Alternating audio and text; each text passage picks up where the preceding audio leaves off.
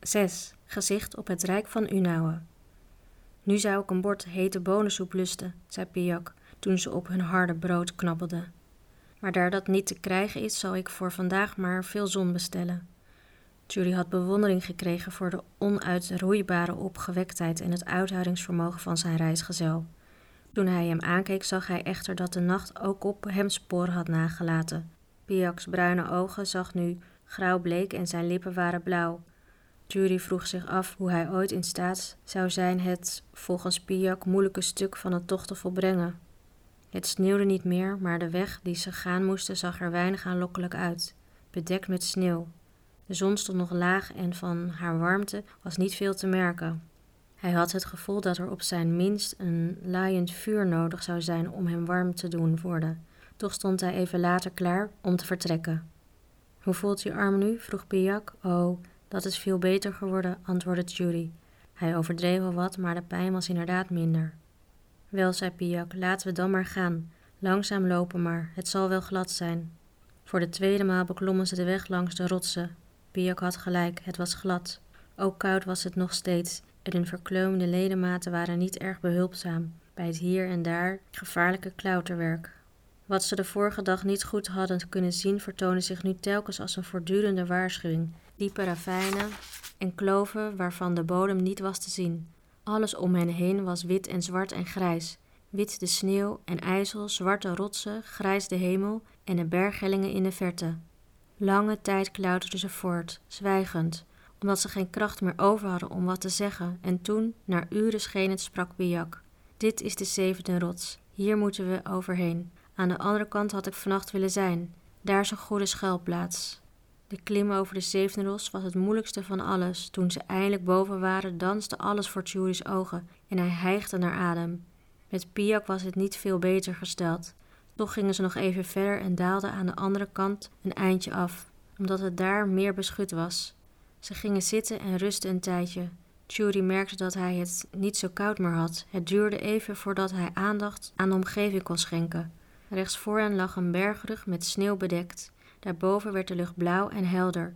Ze moesten nog een eind naar beneden voordat ze die helling konden bereiken. Maar als ze die beklommen hadden, zei Piak, zouden ze de pas bereikt hebben en het rijk van Unau kunnen zien. Jury keek naar de top die rechts van de pas lag, de kegelvormige top die hem al eerder was opgevallen. Daar ben ik bovenop geweest, zei Piak. Ik zou er nu niet graag heen gaan, voegde hij er met een grimas bij. Toen stond hij op. Zullen we dadelijk rusten in mijn schuilplaats, stelde hij voor. Daar zal het prettiger zijn dan hier. Onder in de zevende rots bevond zich een grot die veel ruimer en dieper was dan die waarin ze hadden overnacht. Ze moesten over vele kleine en grote stenen heen stappen voor ze er binnen konden gaan. Misschien is het toch ergens goed voor geweest, mompelde Piak. Wat? vroeg Jury. Dat we deze plaats niet hebben bereikt. De stenen lagen hier de vorige keer niet. Het zou best kunnen dat ze vannacht naar beneden gekomen zijn. Ik zou niet graag zo'n steen op mijn hoofd gekregen hebben. Jij? Maar nu zul je eens wat zien.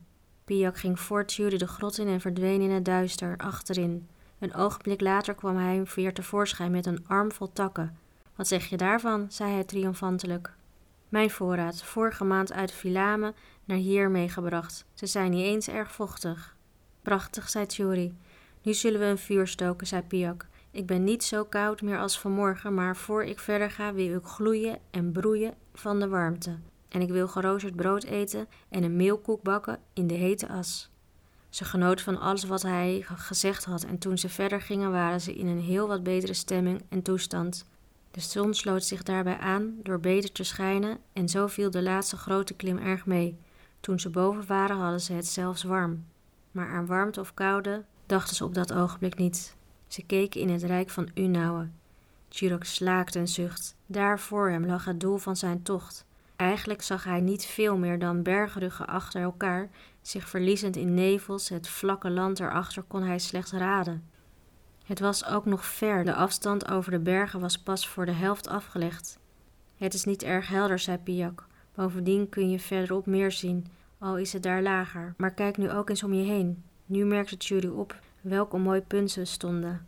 Om hen heen lagen met sneeuw bedekte hellingen en toppen, beschenen door een stralende zon. Kom, zei Piak, ik wil het niet weer koud krijgen en dat zal gebeuren als we hier langer blijven staan.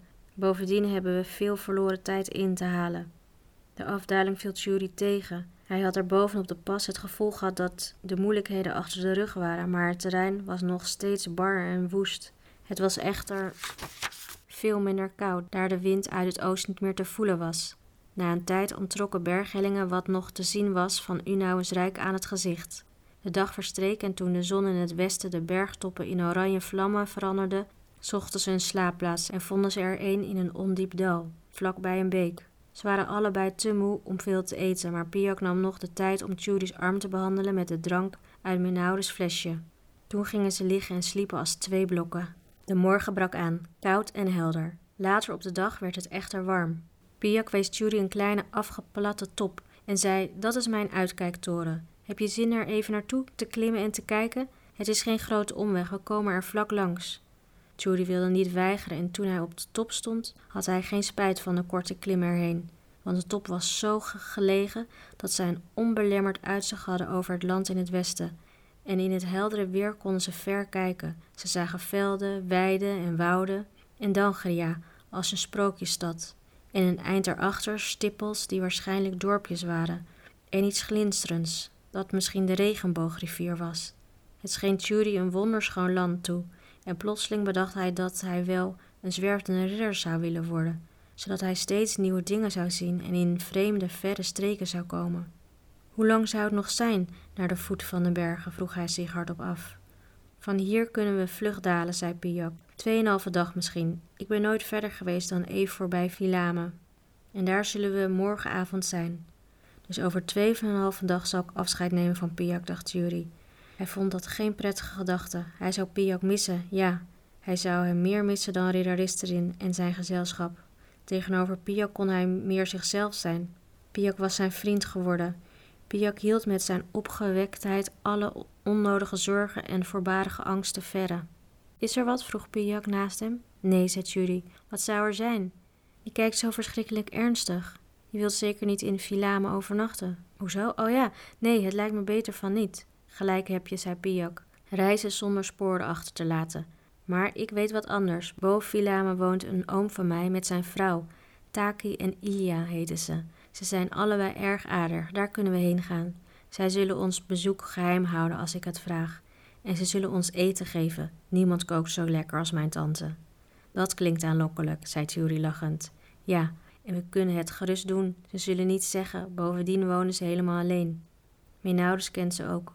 Vroeger kwam hij er wel eens. Nu, wat vind je ervan? Ik volg je, zei Jody. Vlug dan, zei Piak. Misschien kunnen we er voor donker zijn. De nu volgende afdaling ging zeer snel. Meestal liep Piak voorop om het tempo aan te geven. Hij liep niet naar beneden, maar liet zich gewoon vallen, springend van de ene steen op de ander. Judy hield hem bij, al voelde hij bij elke stap een scheut van pijn door zijn arm gaan. In de namiddag werd het landschap kalmer en liefelijker en toen hoorden ze voor het eerst geklingel van bellen. Het schaap van oom Taki, zei Piak. Ze zagen de dieren even later grazend op een kleine wei. Toen ze de jonge lieden zagen, liepen ze op hen toe en likten hen waar ze konden. Hé, hé, zei Piak, eet ons niet op, alsjeblieft. Een man kwam van de andere kant de weide op. Nee maar, riep hij, daar hebben we Piak. Het bleek Piaks oom te zijn. Piak begroette hem hartelijk en stelde hem toen aan Churi voor. Dit is mijn vriend Martijn, zei hij. We zijn op weg naar jou toe.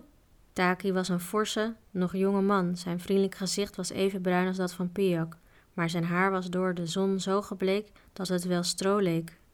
Hij nam de jonge lieden onderzoekend op en zei: Jullie zijn moe zeker? Is het slecht weer geweest boven? Nou en of, zei Piak. Heb je er niets van gemerkt? Nee, dat niet. Maar we zagen een boos uitziende lucht boven de berg in het oosten en we hoorden gerommel van verschuivende stenen. Taki joeg de schapen uit elkaar en vervolgde: Maar straks kunnen jullie vertellen. Eerst naar beneden, jongens. Weet je wat? Ik zal vooruitlopen en Ilia zeggen dat ze het eten vast op het vuur zet. Piak juichte dit plan toe, maar hield hem nog even terug en zei op gedempte toon: Nog één ding, oom Taki. Ons bezoek moet geheim blijven. Ik kan je niet vertellen waarom, maar niemand mag weten dat wij hier zijn. Taki liet geen verbazing blijken. Best, zei hij. We hebben geen andere bezoekers en we wonen eenzaam. Aan je wens kan dus gemakkelijk worden voldaan. Tot straks! Hij rende naar beneden langs een smal pad dat bij de weide begon. Piak en Judy volgden hem langzamer. Nog een uur lopen ongeveer, zei Piak. Taki raakte hen steeds verder voor. Na een poosje verdween hij in een dennenbosje uit hun gezicht. Het was bijna donker toen ze Taki's woning bereikten, een houten hut met een schuur aangebouwd. Door de ramen viel licht naar buiten en in de deuropening verscheen de gedaante van een vrouw. Een hond kwam hem blaffend tegemoet en sprong kwispelend tegen Piak op. Dag ouwe jongen, zei deze, hoe gaat het ermee? Kom binnen jongens, riep de vrouw, kom binnen en wees welkom.